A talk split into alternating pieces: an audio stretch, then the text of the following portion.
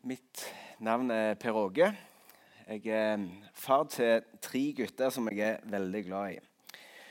Og jeg blir enormt glad og takknemlig når jeg hører noen si noe fint til guttene mine. Når de bekrefter dem for den de er, eller oppmuntrer dem i forhold til ting de har gjort. Eller når jeg sitter inne i stua hjemme og det dinger på døra, og en ivrig nabogutt kommer og spør en av mine gutter vil du være med ut og leke. Kjempekjekt. Mest som jeg føler sjøl at jeg blir dingt på og spurt om jeg vil være med ut og leke. Eller når venninna vår eh, kommer hjem til meg og Line og skal være sammen med oss en, en kveld, Geir og Monica, og så er bare Monica der. Når du ser guttene, så er det bare Å, for klemme, vet du. Så gnurer de. Så det er nesten så jeg kjenner sjøl at jeg blir gnurt og glemt, klemt av, av hun. Fordi de gjør noe med meg eh, når de klemmer mine gutter. Eller eksempelvis hvis noen kommer og hjelper guttene med noe. F.eks morfar som hjelper med syklene fordi de er rusta og fæle, og faren har ikke tatt ansvar i heimen, så da hjelper morfar. Fantastisk! Eller på julaften, selveste julaften, når gavene ligger under treet, og øynene til ungene bare nesten spretter ut i glede over den gaven de får, så er det nesten som det var jeg som fikk den gaven. Jeg tror kanskje du kjenner deg litt igjen, du som er mor eller far. Hvor mye mer skulle ikke da Far i himmelen glede seg og juble og være takknemlig over når vi er gode med hverandre? Han som har skapt oss, han som er vår egentlige far. Hvor mye mer skulle ikke han glede seg og fryde seg over når vi viser godhet, kjærlighet til hverandre, vi som hans barn? I dag er temaet å elske Gud og elske min neste. Og Det er to sider av samme sak. Elsker du Gud, så vil du elske din neste. Elsker du din neste, så vil du elske Gud. Det er som en mynt. Det er én, men det er to sider av samme sak. Vi skal lese en tekst i sammen fra Matteus 25. Før det vil jeg bare be i korpen.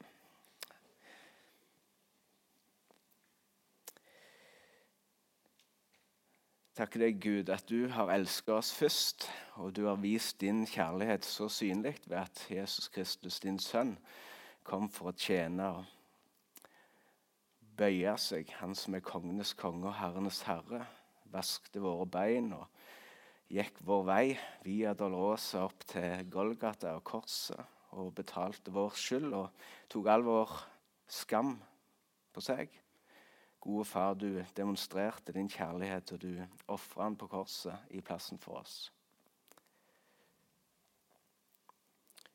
Vi priser deg for din store gave, og vi ønsker å respondere på din godhet, respondere på din barmhjertighet og din nåde mot oss. Så fyll oss, Herre, med din kjærlighet, med din godhet, så vi kan elske deg og elske vår neste, de rundt oss som oss sjøl, Herre.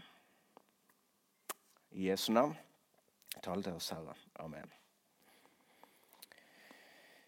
Matteus 25 så står det sånn i vers 34. Så skal kongen si til dem på sin høyre side.: Kom hit, dere som er velsignet av min far, og ta i arv det rike som er gjort i stand for dere for verdens grunnvoll ble lagt. For jeg var sulten, og dere ga meg mat. Jeg var tørst, og dere ga meg drikke. Jeg var fremmed, og dere tok imot meg. Jeg var naken, og dere kledde meg. Jeg var syk, og dere så til meg. Jeg var i fengsel, og dere besøkte meg. Da skal de rettferdige svare, Herre, når så vi deg sulten og ga deg mat, eller tørst og ga deg å drikke? Når så vi deg fremmede og tok imot deg, eller naken og kledde deg? Når så vi deg syk eller i fengsel og kom til deg. Og kongen skal svare dem. Sannelig, jeg sier dere, det dere gjorde mot en av disse mine minste søsken, har dere gjort mot meg. Jesus, han er kongen. Han er Gud. Han er den som sier dette. Det du gjorde mot en av dine, disse mine minste, har du gjort mot meg. Det var noen som var sultne, som fikk mat på døra. Det var noen som var tyste og fikk kanskje et glass vann når de trengte det som mest. Det var noen som var fremmede og kom som tilflyttere, og de ble tatt godt imot. Det var noen som ikke hadde klær, som ble kledd opp. Noen som var syke, som fikk besøk. Det var noen som var i fengsel, og som fikk et besøk der de var. Så sier kongen Sannelig, det du gjorde mot en av dine, av disse mine minste søsken, har dere gjort mot meg.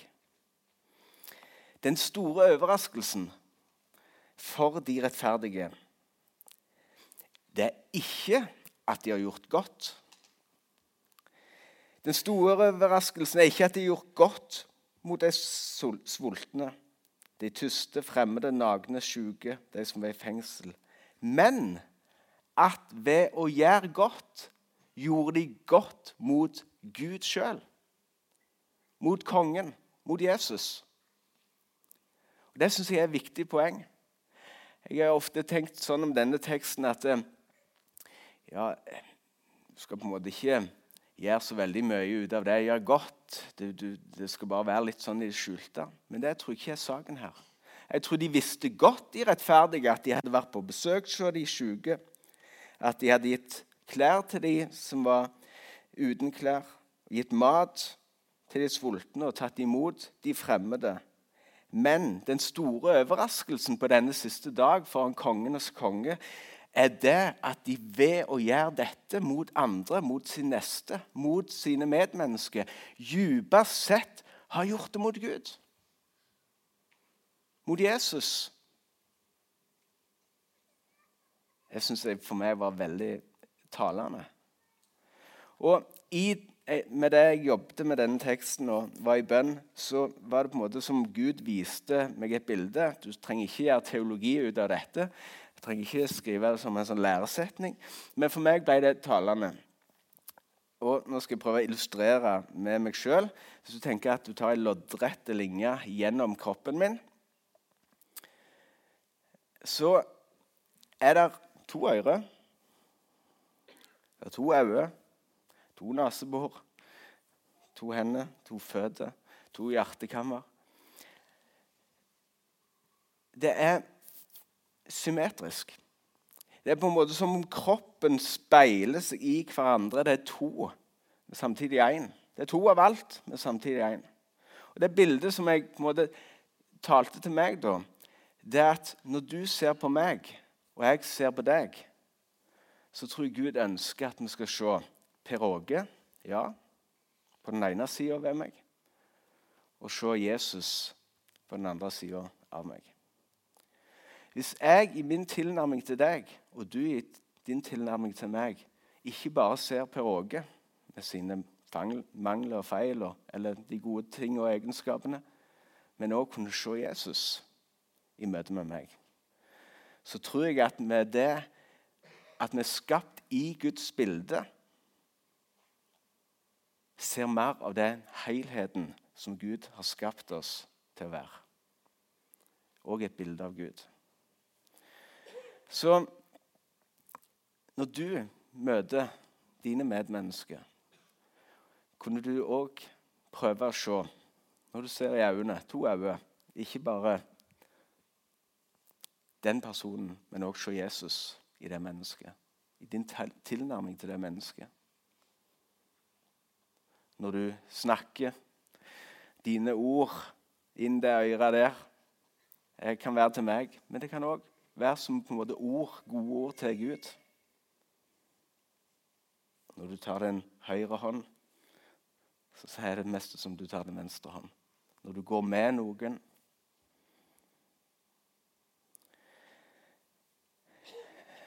For det du har gjort mot en av disse mine minste små, har du gjort mot meg, sier Jesus.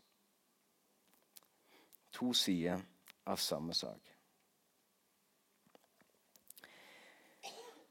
I eh,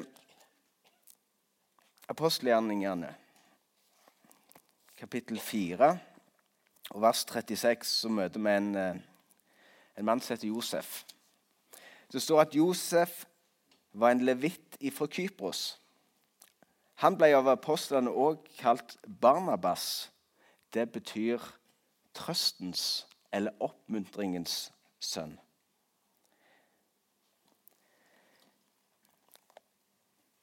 Det var vane at eh, folk kanskje skifta navn eller fikk et tilleggsnavn når de ble tatt inn i menigheten eller ble frelst. Og for Josef, levitten fra Kypros, så får han altså tilleggsnavnet Barnabas, som betyr oppmuntringens eller trøstens sønn. Hvorfor? Jo, ikke bare var det det at Barnabas kom og la pengene sine fram for apostlene sine føtter når de trengte det var hungersnød i Jerusalem. Det gjorde han. Han tjente praktisk med det han eikte, og ga det til Guds rike. Ikke bare det, men Saulus som etter møtet med Jesus på veien til Damaskus, han som forfulgte Guds kirke Han ønsket inngang i menigheten, men ble holdt på avstand. For de var redde for at han lurte dem og skulle ta dem til fange og sette dem i fengsel. Så i menigheten i Jerusalem så Peter og de andre apostlene de holdt avstand til Saulus. Men Barnabas han ga han husrom, han tok han til seg, og han fortalte de andre apostlene om Saulus sitt møte med Jesus, og at han nå forkynte evangeliet. Og Han var den som gikk ved sida av Saulus, sånn at han fikk innpass i menigheten i Jerusalem. Ble en misjonær som ble Paulus, som har skrevet alle brev om har i, eller mange av brevene vi har i, i Det nye testamentet. Som gjorde at misjon og evangeliet spredte seg over hele kontinentet. Så Barnabas han var en oppmuntrings- og trøstens sønn. Han er på en måte som Den hellige ånd, og rota i dette ordet henger sammen også med åndens tjeneste. Trøste, oppmuntre, veilede, men òg vil stille seg ved en side for å gå i sammen. Sånn er Den hellige ånds tjeneste. Og Det virker på en måte som om Ånden har fått virke gjennom Barnabas til å gjøre det Den hellige ånd eller Jesus ville ha gjort.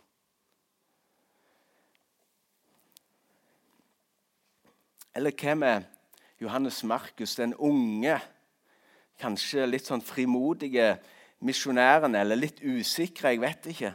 Men iallfall var han med på en misjonsreise, og så backa han litt ut. Og så var det spørsmålet på neste misjonsreise skal vi ta med Johannes Markus, han unge. Jeg vet ikke om han kanskje var bare 15-16 år.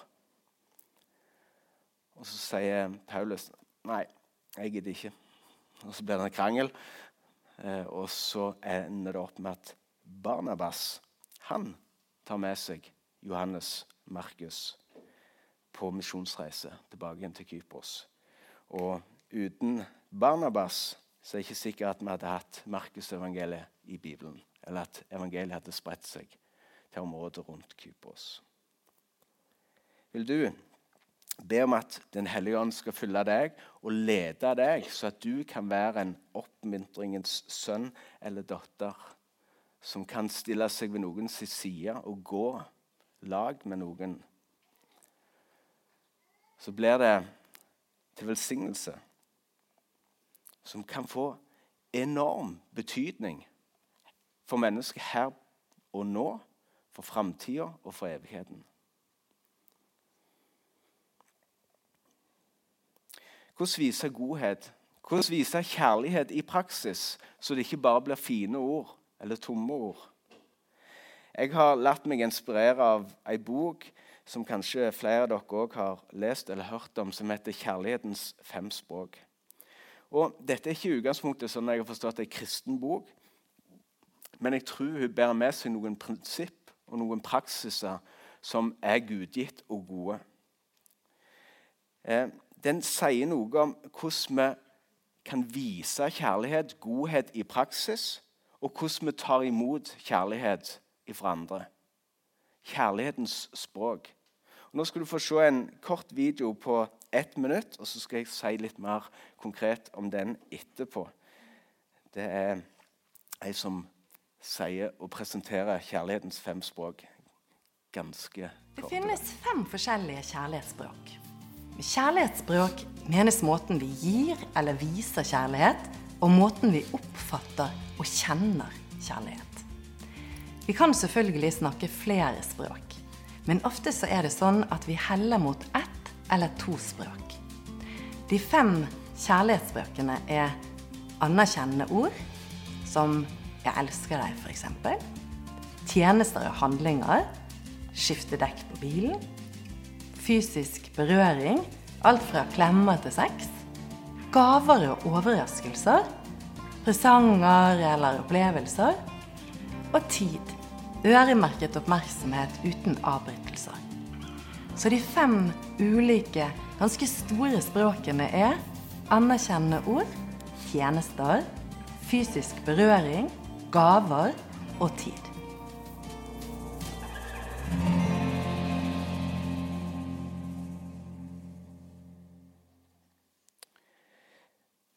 Lever i ei tid, ikke minst etter korona, og ei tid som vi går inn i nå med mye usikkerhet og kanskje frykt, og knytta til krig og ei usikker framtid. Jeg tror at vår tid, den tida vi lever i nå, er ei tid for å være Jesus sine hender og føtter, hans munn, hans øyre, hans øyne. Til å være hans kropp i bevegelse til å leve diakonalt i hverdagen.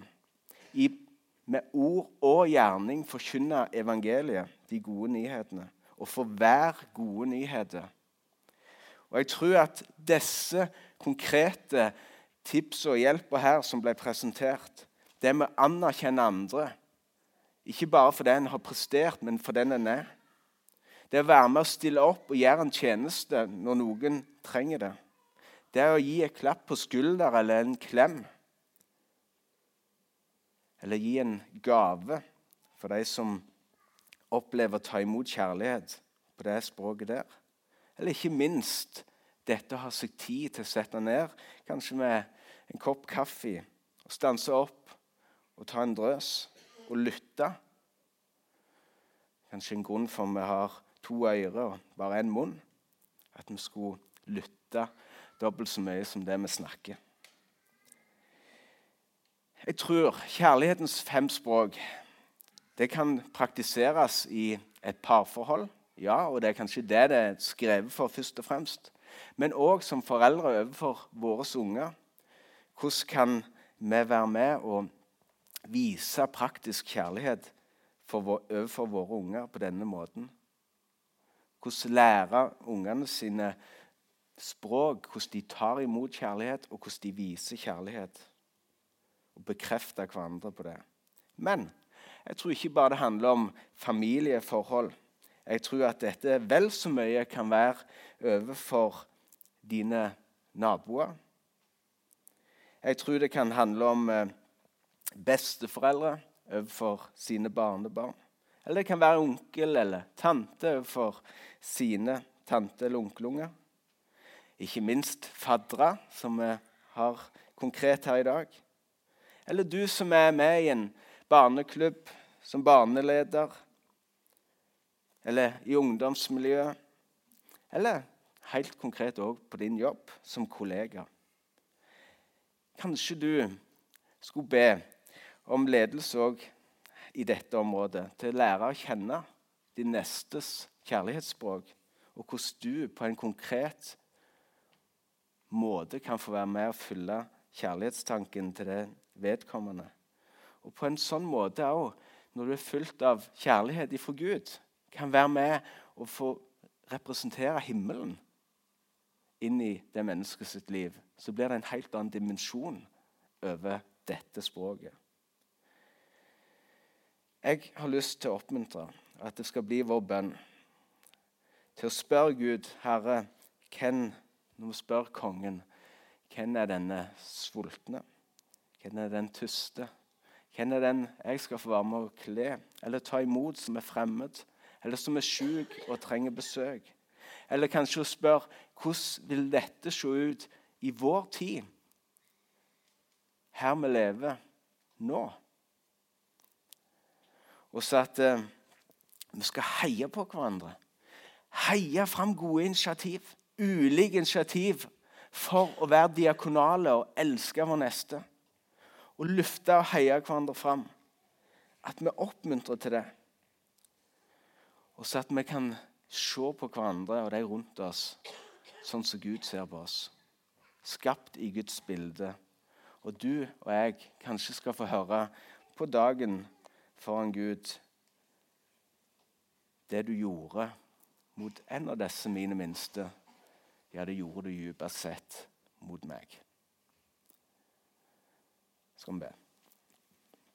Herre, fyll oss med din kjærlighet, med din godhet og med glede i det å tjene og elske hverandre og elske deg. Herre, fyll oss med din Hellige Ånd og din kraft til å være gode nyheter. Ikke bare i ord og dele evangeliet med ord, men òg i gjerning, Herre. Ikke for å bli frelst, her, men i takknemlighet og glede for at du har frelst oss og bare nåde, og få gi tilbake igjen til de rundt oss som en takk, Herre, dypest sett til deg. Amen.